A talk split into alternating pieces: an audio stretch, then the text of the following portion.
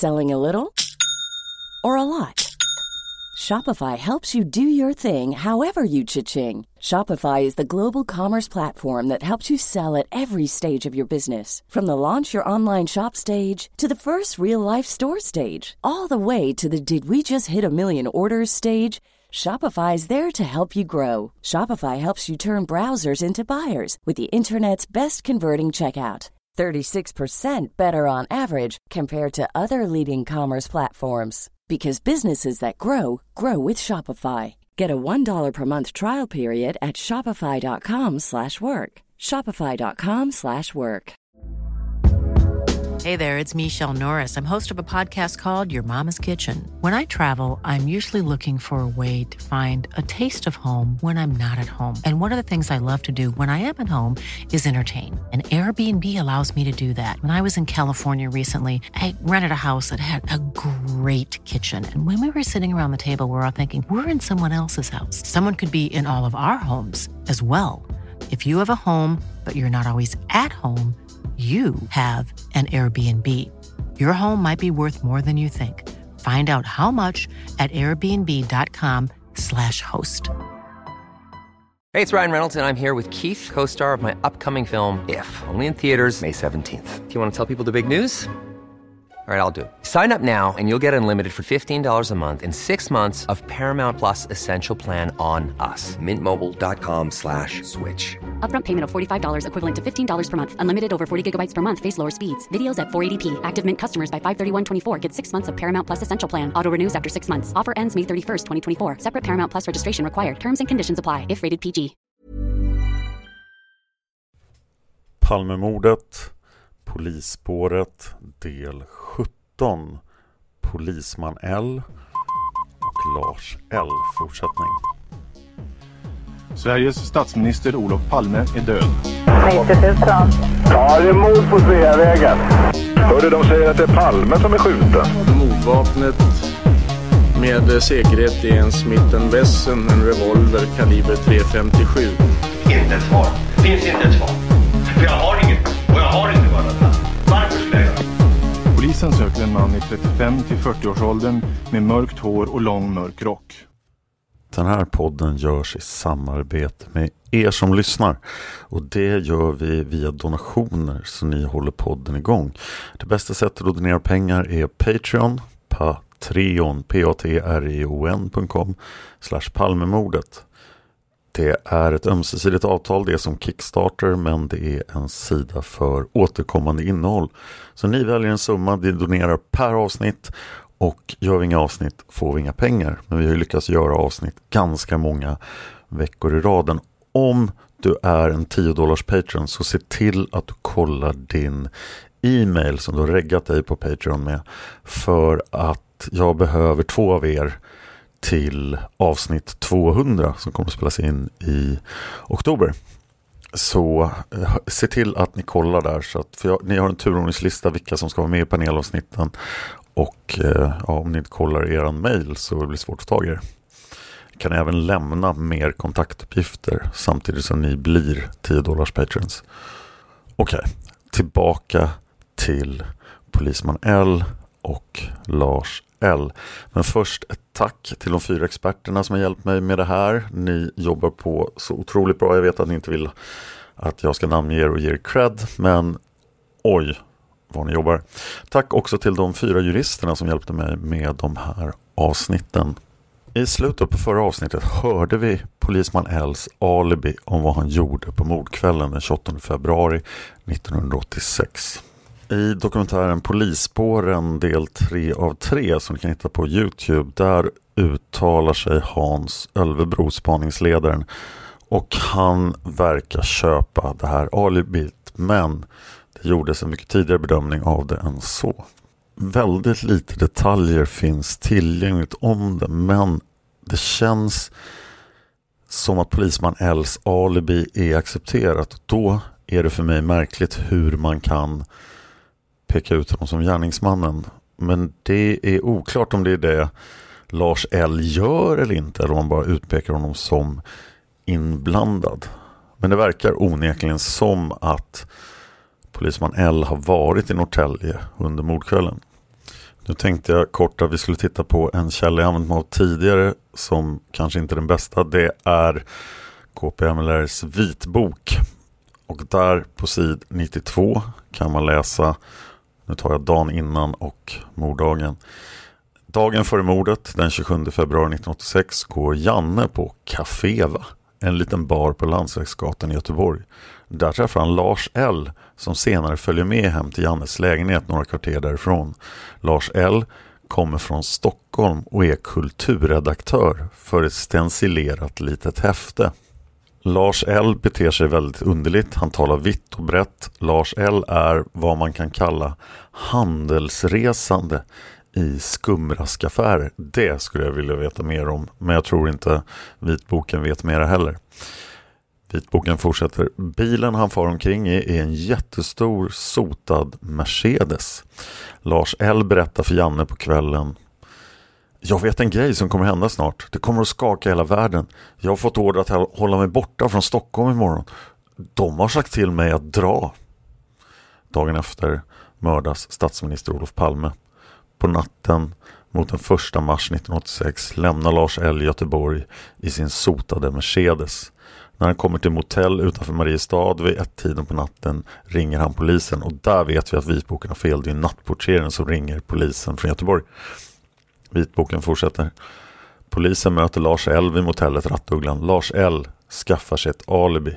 För säkerhets skull ringer han också till Janne dagen efter och säger citat Kom ihåg att jag var i Göteborg igår och hemma hos dig.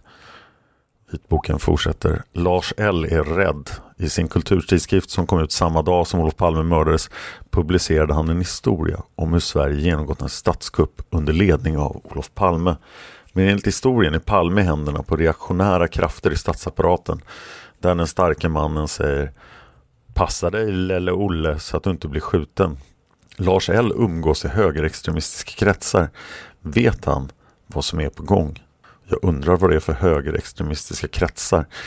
För det verkar ju finnas ganska lite kopplingar mellan Lars L, polisman L och de faktiskt högerextrema kretsarna i Stockholmspolisen som vi redan har pratat om.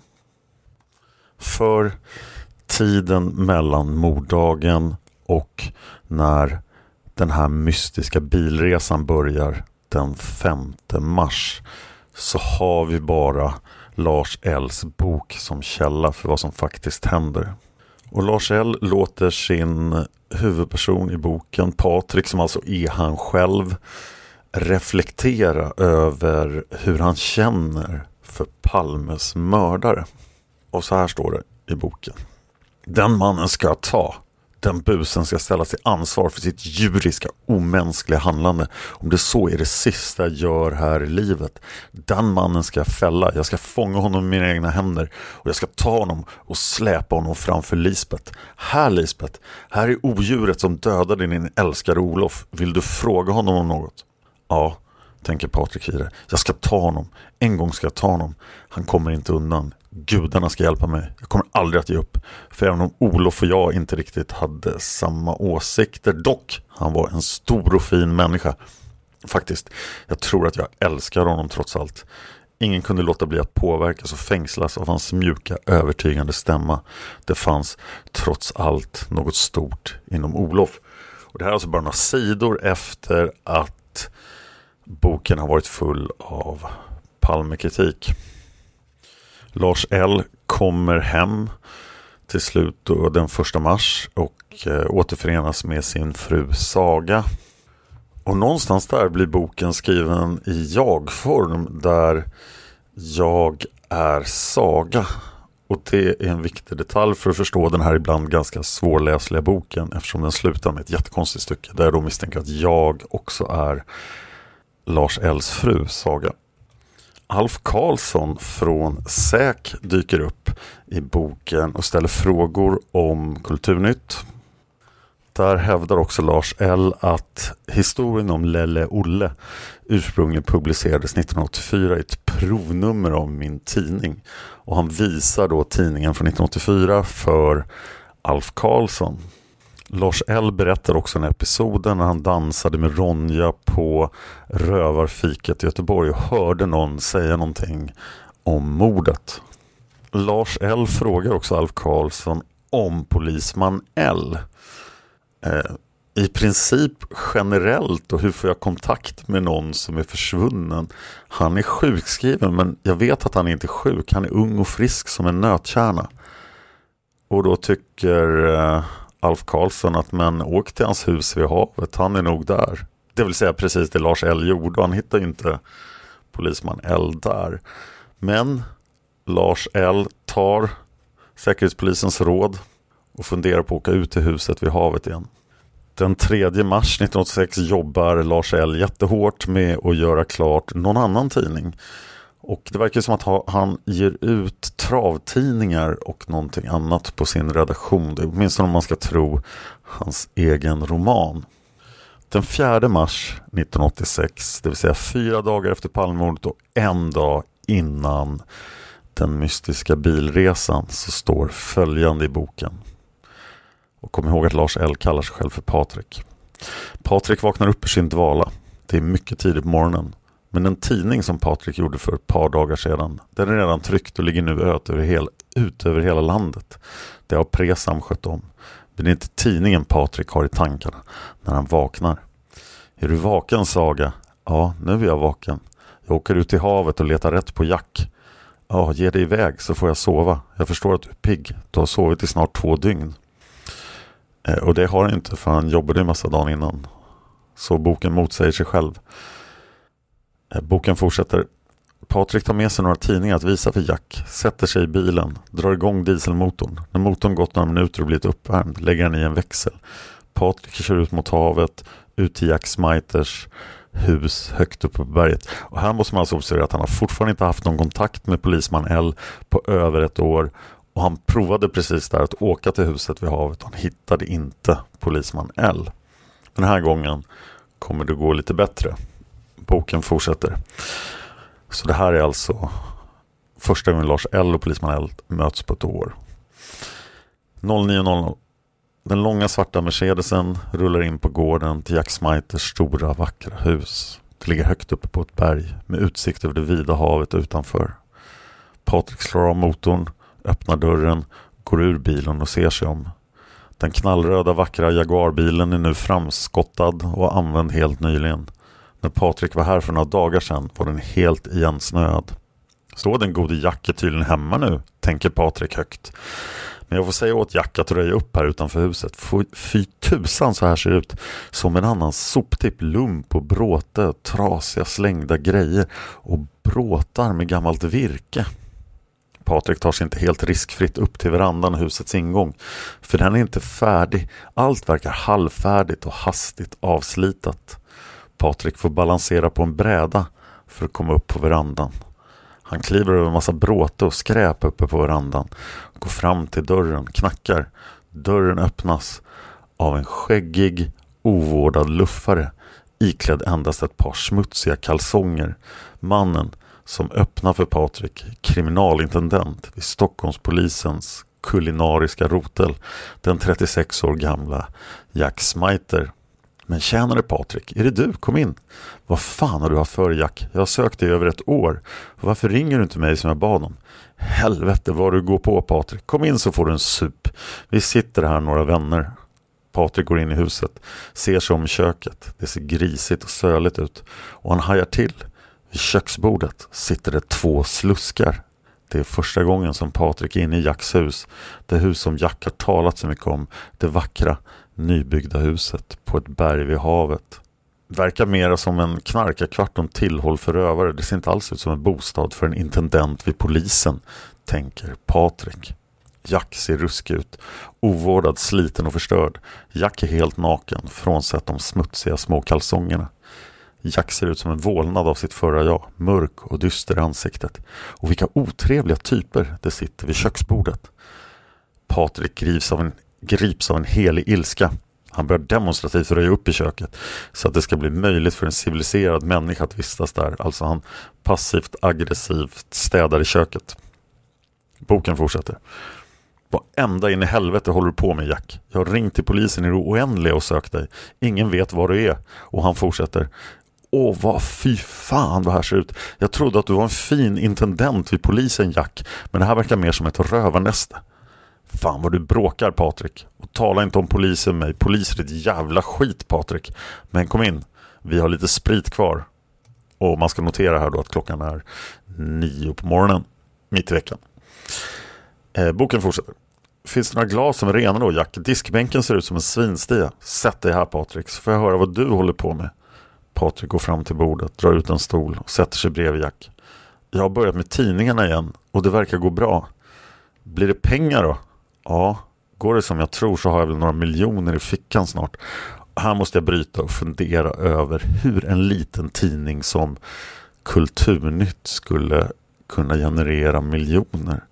Så det måste ju finnas andra tidningar men vi har inte lyckats ta reda på vilka de är. Så att antingen är det här Lars Ells fantasier eller så gav han ut många andra tidningar och det gick mycket bättre. Boken fortsätter. Det gillar jag Patrik. Då reser vi ut i världen och lever. Här kommer alltså förslaget helt från ingenstans. Vi ska resa ut i världen och leva. Men eh, Lars L svarar, alltså Patrik, det blir väl svårt, jag måste ju göra tidningarna, men det får du anställa folk till. Ja, vi får väl se. Är det din svarta långmärsa, Patrik? Ja, kom så går vi ut och tittar på den. Jag ska bara slänga på mig lite kläder, pustar Jack. Han försvinner in i det inre av huset. Patrik går i förväg ut och kastar ett öga på Jacks knallröda Jaguar. Den ser förfärlig ut, risig och rostig och allt hänger fast med ståltråd och snören. Den exklusiva lyxvagnens inredning ser ut som ett rövarnäste. Det liknar mer en knarkarkvart än en lyxbilsinredning, tänker Patrik. Den gode polisintendenten Jack Smiter är allt en riktig slarver, fortsätter han sin tankegång. Nu kommer Jack stönande och pustande med sin tjocka kropp nerför sluttningen mot de båda bilarna. Eh, och polisman L framställs i boken alltid som tjock och fet och eh, dum medan eh, Patrik är väldigt handlingskraftig och lång och ståtlig. Konversationen fortsätter i boken. Vad gillar du min jagga Patrik? Är den inte fin? Fin, den där jävla rishögen. Rullar den? Fan Patrik, se inte till det yttre. Nej, det gör jag inte heller. Inuti om det du menar ser ut som ett rövarnäste. Skulle nästan säga en kvart. Alltså en knarkarkvart. Det är motorn jag menar Patrik, kom så får du se. Och sen håller de på att prata bilar och det visar sig att bilen är jättebra och kostar massor med pengar. Så att här är liksom de här männen, Lars L och polisman L, var får de alla pengar ifrån? Det kan man ju verkligen fundera över. Men eh, frågan besvaras lite senare när polisman L säger Pengar är inga problem längre för mig, Patrik. Jag har hittat en rik amerikanska. Ja, det låter ju trevligt. Är hon snygg också? Nej, det kan jag inte påstå. Men hon har pengar. Eh, men eh, du känner inte som polis då, min gode intendent? Snacka inte om poliser. De är ett jävla pack hela bunten. Jaså, du är ett pack? Ja, det rimmar ju på Jack. Försök inte vara rolig. Du vet vad jag menar. Jag är inte polis längre. Har du slutat? Polisman L svarar. Nej, jag har sjukskrivit mig. Jag får full sjuklön och gör vad som faller mig in. Men eh, då har du väl ingen glädje av ditt nya jobb på roten? Eh, Berit, din vackra chef, frågade efter dig förresten. Hon vill att du ska ringa. Jag har annat att göra än att ringa polisen. Vadå? Polisman L svarar. Jag har stora projekt på gång. Pengar är det viktigaste i livet Patrik. Med pengar får du allt. Och det vill du ha. Vill du ha allt menar jag. Jag ska bli miljonär snabbt. Sen ska jag ut och göra världen Patrik. Och jobbet som kriminalintendent har jag kvar. Med hela köret. Lägg, polisbade, kontokort. Och så har jag full sjuklön. Jag har det bra nu. Lars L i form av Patrik svarar. Ja det låter som den här jaggan Jack. Den sticker väl ifrån karossen när du är i järnet. Och det kan du lita på. Mig kör ingen om. Och sen pratar de lite bilar igen. Och de blir övertygade de övertygar väldigt snabbt varandra att de ska åka ut, lämna Sverige, bara ta Mercan och åka till Venedig. Så det är planen nu. Lars L får ringa till sin redaktion och säga åt dem att sköta allt jobb. Och så ska bara de här två vännerna som alltså inte träffats på ett år ta Mercan, åka genom hela Europa och Oklart vad de ska göra. Dricka väldigt mycket sprit i planen också för det kommer att synas snart. Och medan polisman L gör någonting, lite oklart vad, förmodligen packar han och så slänger han ut rövarna ur sitt hus. Så är Lars L ute och kör bil lite grann, stannar i någon krog, eh, tar en kaffefrukost och ringer upp polisman Ls chef Berit. Han eh, raggar ganska hårt på Berit. Han berättar också för Berit vad han observerat, att det var rövare i Jacks hus, men att Jack faktiskt är i huset. I det här samtalet avslöjar Berit att hon inte hade planerat att göra eh, polisman L till kriminalintendent vid kulinariska roten då, som är hans konstiga tjänst i boken. Men man får anta att det här refererar till hans, hans verkliga tjänst. Det är inte hennes idé utan det, den idén har kommit från gubben Adam. Och det är alltså rikspolischefen och måste således avse Holger Romander som var rikspolischef fram till 1987. Samme Holger Romander som gav ut memoarer 2018. Han var 97 år gammal 2018. Memoarerna heter så vitt jag minns. Och där pratar han en hel del om Palmemordet. Han berättar att han precis skulle gå i pension men han uppmanades av regeringen att fortsätta på grund av Palmemordet. Han säger den också att han beordrades att eh, stå till tjänst med 300 poliser i Palmeutredningen och jaga PKK. Men i boken är han alltså gubben Adam. Och Berit berättar i boken om ett möte mellan justitieministern och gubben Adam där en polis hade glömt sin Walter-pistol på bordet i gubben Adams rökhörna. Och då ville justitieministern röka så att de trodde att pistolen var en tändare. Och när han försökte tända sin cigarett så sköt han rakt upp i taket. Jag vet inte varför den här historien är med i boken. Men det händer i alla fall. Samtalet fortsätter och Berit ger, ger eh, Lars L uppdraget att åka iväg och ha trevligt med eh, polisman L. Och nästa dag, onsdagen den 5 mars 1986 klockan 15.15 .15, så åker polisman L och Lars L iväg i den svarta Mercan. Planen enligt Lars Ells bok är alltså att åka till Venedig men det ska gå via Bornholm. En liten sväng till Bornholm och sen till Köpenhamn och sen till Paris och sen till Venedig. Och nu börjar hända väldigt konstiga saker. Lars Borgnäs berättar i en iskall vind. Tillsammans. It's that time of the year. Your vacation is coming up.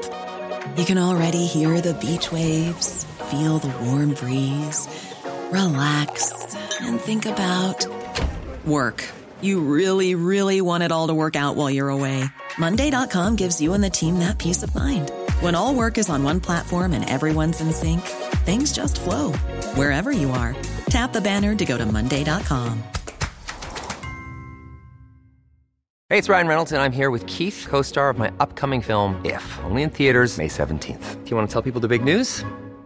All right, I'll do it. Sign up now and you'll get unlimited for $15 a month in six months of Paramount Plus Essential Plan on us. Mintmobile.com slash switch. Upfront payment of $45 equivalent to $15 per month. Unlimited over 40 gigabytes per month. Face lower speeds. Videos at 480p. Active Mint customers by 531.24 get six months of Paramount Plus Essential Plan. Auto renews after six months. Offer ends May 31st, 2024. Separate Paramount Plus registration required. Terms and conditions apply if rated PG. One size fits all seemed like a good idea for clothes. Nice dress. Uh, it's a it's a t-shirt until you tried it on. Same goes for your healthcare.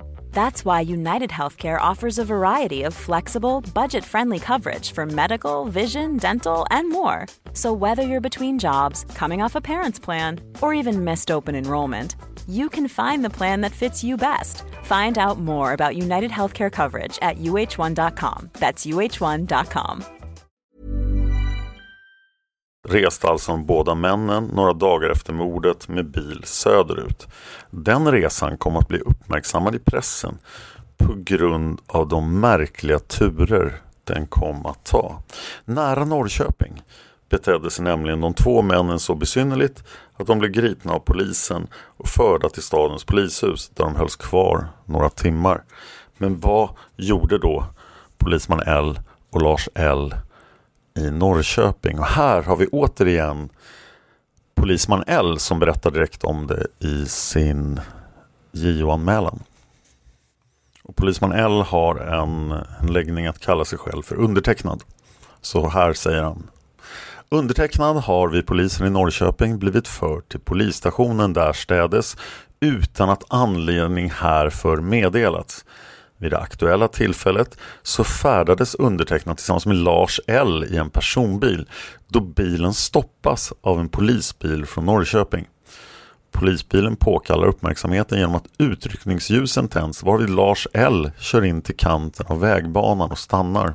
Därefter visar föraren körkortet till polismannen. Undertecknad satt i bilens baksäte när en polisman kommer fram och ber undertecknad legitimera sig. Då frågar undertecknad om anledningen till detta samt om det föreligger någon misstanke om brott mot undertecknad. Polismannen i fråga lämnar bilen vartefter det kommer ytterligare en polisbil till platsen. Denna polisman iförd overall kör en så kallad hundbil, en kombibil med nät och hundburar. Han är rödhårig. Han uppträder väldigt illa och skriker att det behövs ingen speciell anledning för att polisen kan begära legitimation.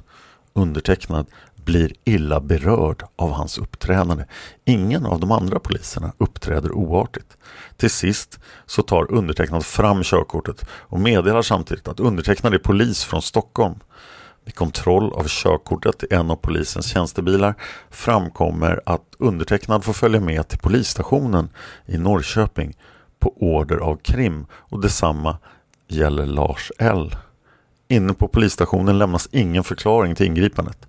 Ett så kallat arrestantblad ifylls där undertecknad får lämna uppgifter om bostadsadress samt personuppgifter. Ingen delgivning om misstanke ges för något brott. Inget förhör hålls. Inne på polisstationen blir undertecknad illa bemött av ett yttre befäl som högljutt inför ett stort antal kollegor förklarar att polisen har rätt att ingripa och föra folk till polisstationen utan att lämna någon anledning till åtgärden. Undertecknad förklarar att det för ett gripande vid misstanke om brott måste föreligga skälig misstanke innan frihetsberövande åtgärder i allmänhet vidtas. Detta har det yttre befälet ingen förståelse för varför undertecknad finner det meningslöst att argumentera vidare. Ingen förklaring lämnas till ingripandet, ej heller någon ursäkt till nästan två timmars dröjsmål. Enda anledningen undertecknad kan hitta till det långa dröjsmålet, det är dels att bilen genomsöktes utan att misstanke om brott förelåg. Ett klart övergrepp. Den andra anledningen var att man kontrollerade ifall undertecknad var polis. Undertecknad anhåller att det hos polismästaren i Norrköping utreds närmare om det tillhör rutinerna inom distriktet att hantera människors personliga integritet och rätt att utan anledning stoppas och kontrolleras på detta kränkande sätt. Undertecknad anhåller också polismästaren i distriktet snarast informera personalen om uppträdande samt etik vid trafikkontroller och speciellt den rödhårige hundföraren. Det tog också vara på sin plats att den interna utbildningen inom distriktet förbättras avseende vad som gäller kraven av misstanke för gripande och grunderna för att någon anses skäligen misstänkt. Det yttre befälet visade klara tecken på bristande omdöme, vilket ej är bra eftersom ett befäl anger andan hos underställd personal. Det här klagomålet är handskrivet så det är ibland svårt att läsa. Polisman L fortsätter. Undertecknad nöjer sig med en skriftlig ursäkt om polismästaren finner att det finns skäl att antaga att personalen brustit omdöme och vidtagit felaktiga åtgärder vid ingripandet. Men det hör ju till saken här då att eh, polisman L sa ingenting om vad de faktiskt hade gjort som väckte polisens uppmärksamhet. Man får nästan intrycket av att det här var en rutintrafikkontroll. Men det har hänt en hel del här som har gjort polisen uppmärksam.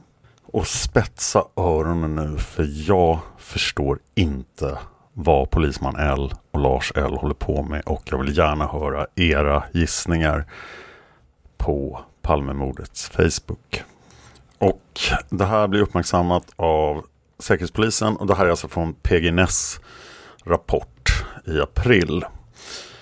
Och PGNS säger 1986 0306 fick jag besked från polisen i Norrköping, säkerhetsavdelningens sektion därstädes och från polisen i Simrishamn. Det är nästa episod på resan.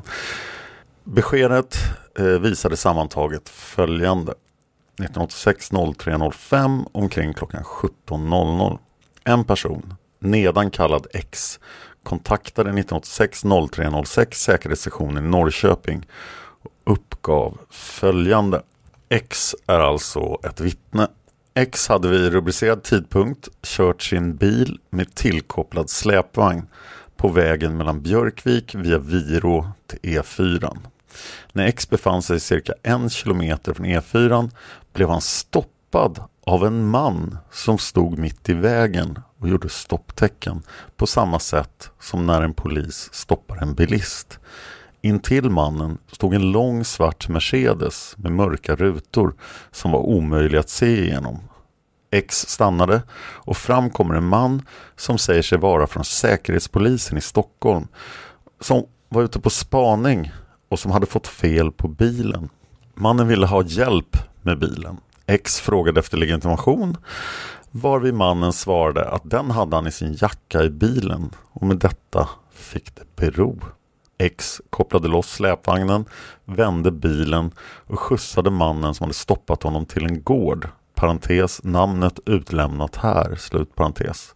På vägen fram till gården hade mannen sagt att citat De var på väg söderut och jagar.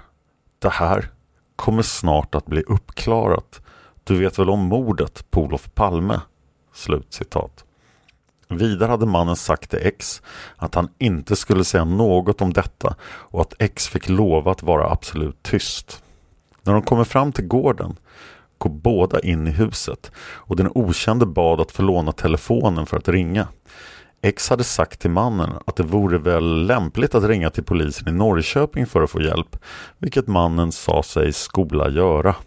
X blev stående i tamburen men hörde hur den okände pratade väldigt kryptiskt med kodord och sifferkombinationer varvid X undrade om han verkligen hade slagit något telefonnummer.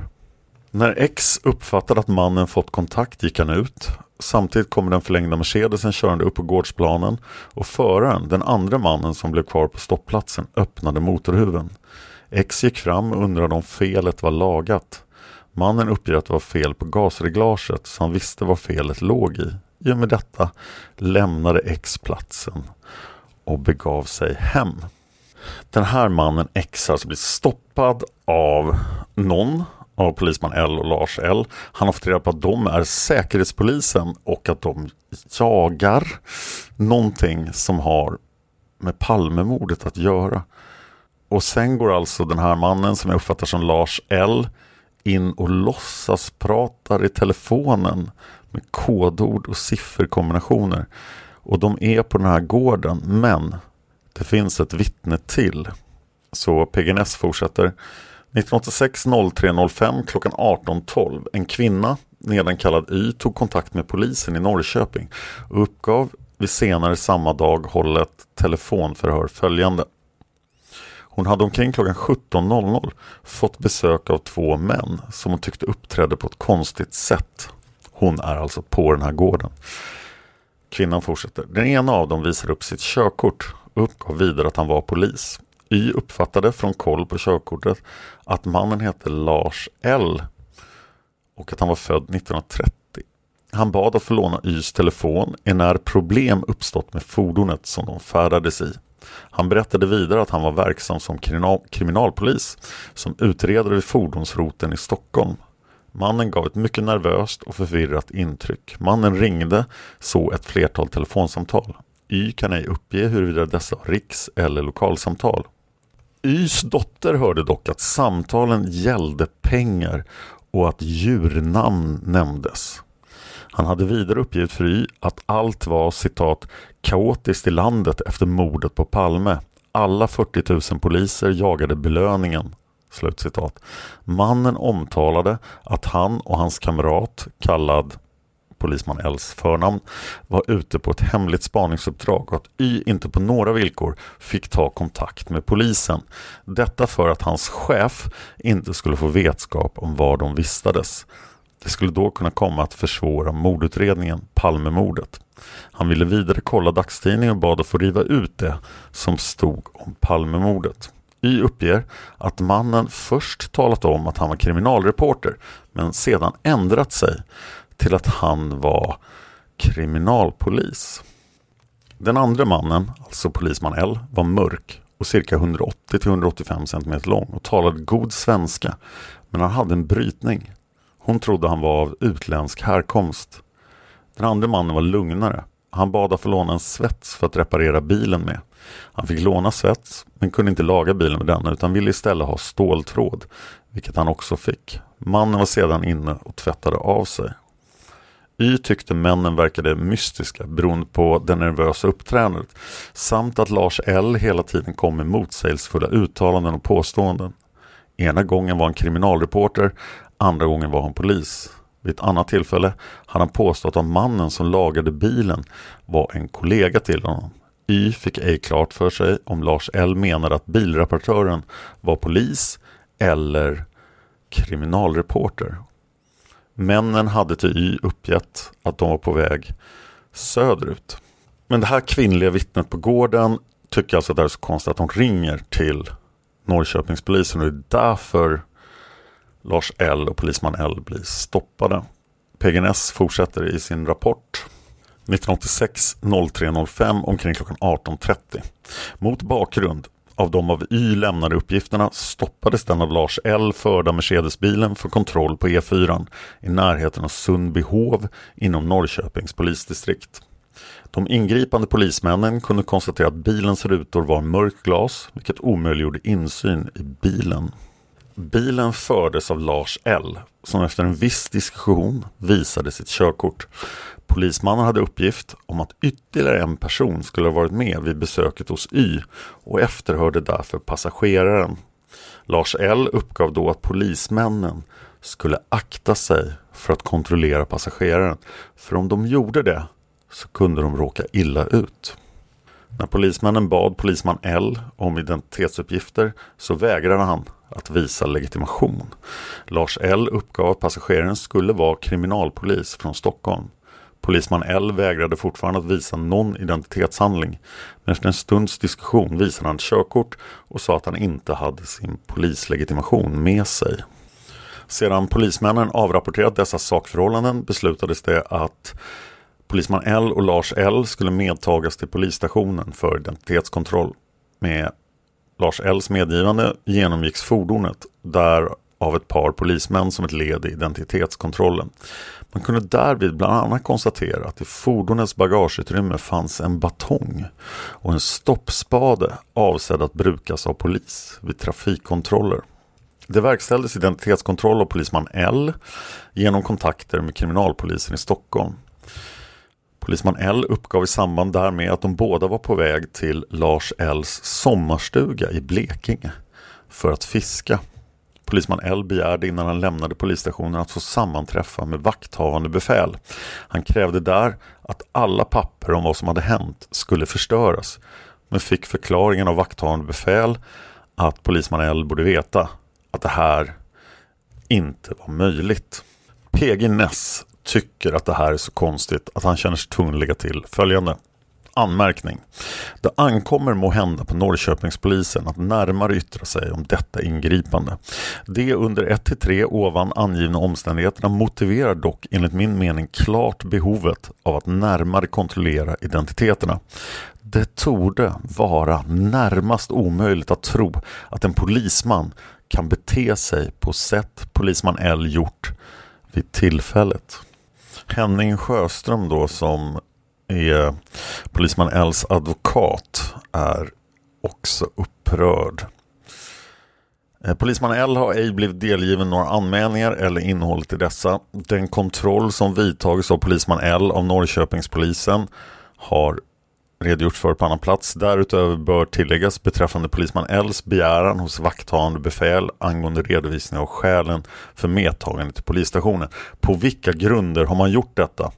Eftersom ingen misstänkt delgavs eller något förhör hölls. Det enda polisman L begärde var att det arrestantblad som ifyllts skulle förstöras då det ej fanns någon rimlig anledning till varför polisman L skulle registreras. Dessutom bör det poängteras att polisman L visade ett svenskt körkort varför detta borde ha räckt som legitimation eller identifiering.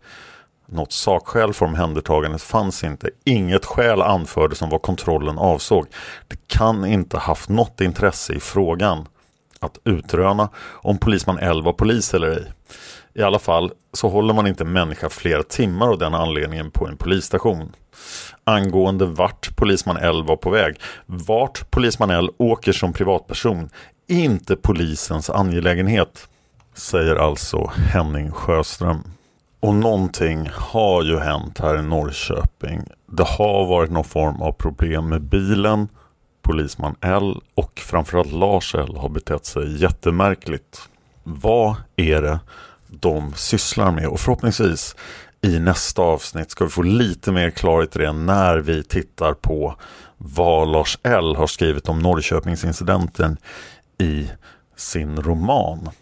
Och här kommer vi återigen att se prov på hur romanen i de här punkterna, det som faktiskt går att kontrollera med polisrapporter och så vidare, faktiskt verkar hålla sig till sanningen för det mesta. Palmemordet finns på Facebook, gå gärna in och likea där och berätta vad ni tycker om Polisman Els och Lars Els äventyr. Jag heter Dan Hörning och är den enda som heter så. Så ni kan söka mig på Twitter Twitter och Instagram. Följ mig gärna på Instagram. kan ni följa alla mina nio poddar. De är de aktiva poddarna när jag spelar in det här är Seriemördarpodden, Seriemördarpodden Premium på podmi.com, Massmördarpodden också på podmi.com, Dan Hörnings fantasyserie Mörkret också på podmi.com. Där läser jag in mina egna romaner. Eh, den här podden Mördarpodden som jag gör tillsammans med Josefin Måhlén som handlar om mord som inte är seriemord eller massmord. Men jag poddar inte bara om mord utan även om Sagan om Isfolket i Sagan om Isfolket-podden med Anna Erlandsson. Och Hard Nerd Café där vi håller på att göra en Harry Potter-serie just nu då också med Anna Erlandsson. Hard Nerd Café med E. Och eh, min sista engelska språk, engelskspråkiga podd Fan of History där jag och Bernie Maupolsky på engelska skildrar hela världshistorien med början år 1000 för Kristus. Vi håller precis just nu på att jobba på 670-talet för Kristus och det här har vi gjort sedan 2014.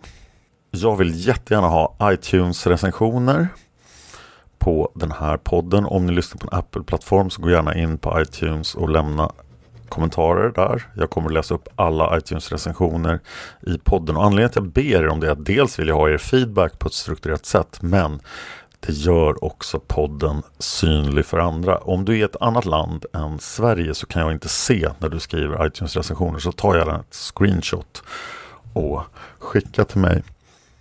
Jag tänkte slå ett extra slag här för Massmördarpodden.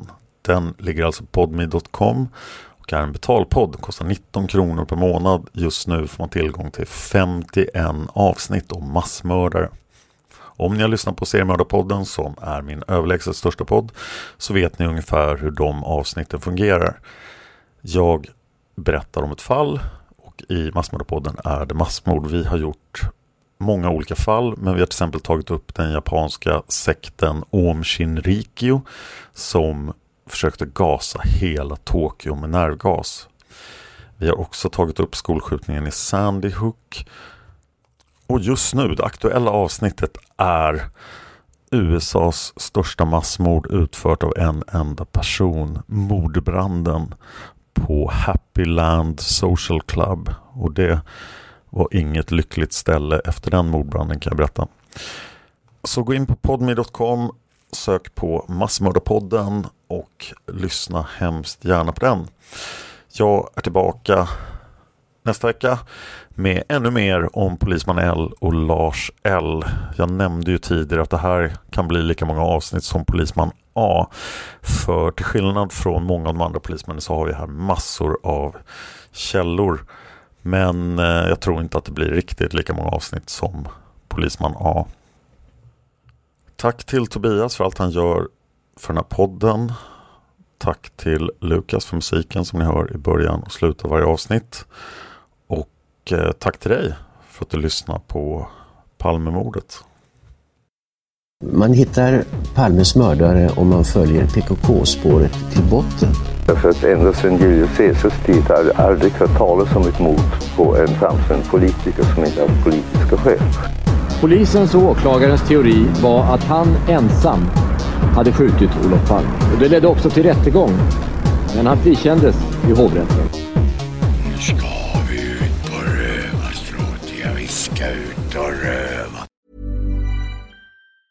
Hi, I'm Daniel, founder of Pretty Litter. Did you know cats tend to hide symptoms of sickness and pain? I learned this the hard way after losing my cat, Gingy. So I created Pretty Litter, a health monitoring litter that helps detect early signs of illness by changing colors, saving you money and potentially your cat's life. Pretty Litter is veterinarian developed, and it's the easiest way to keep tabs on your fur baby's health right at home. Go to prettylitter.com and use code ACAST for 20% off your first order and a free cat toy. Terms and conditions apply. See site for details. Hey, it's Paige DeSorbo from Giggly Squad. High quality fashion without the price tag? Say hello to Quince.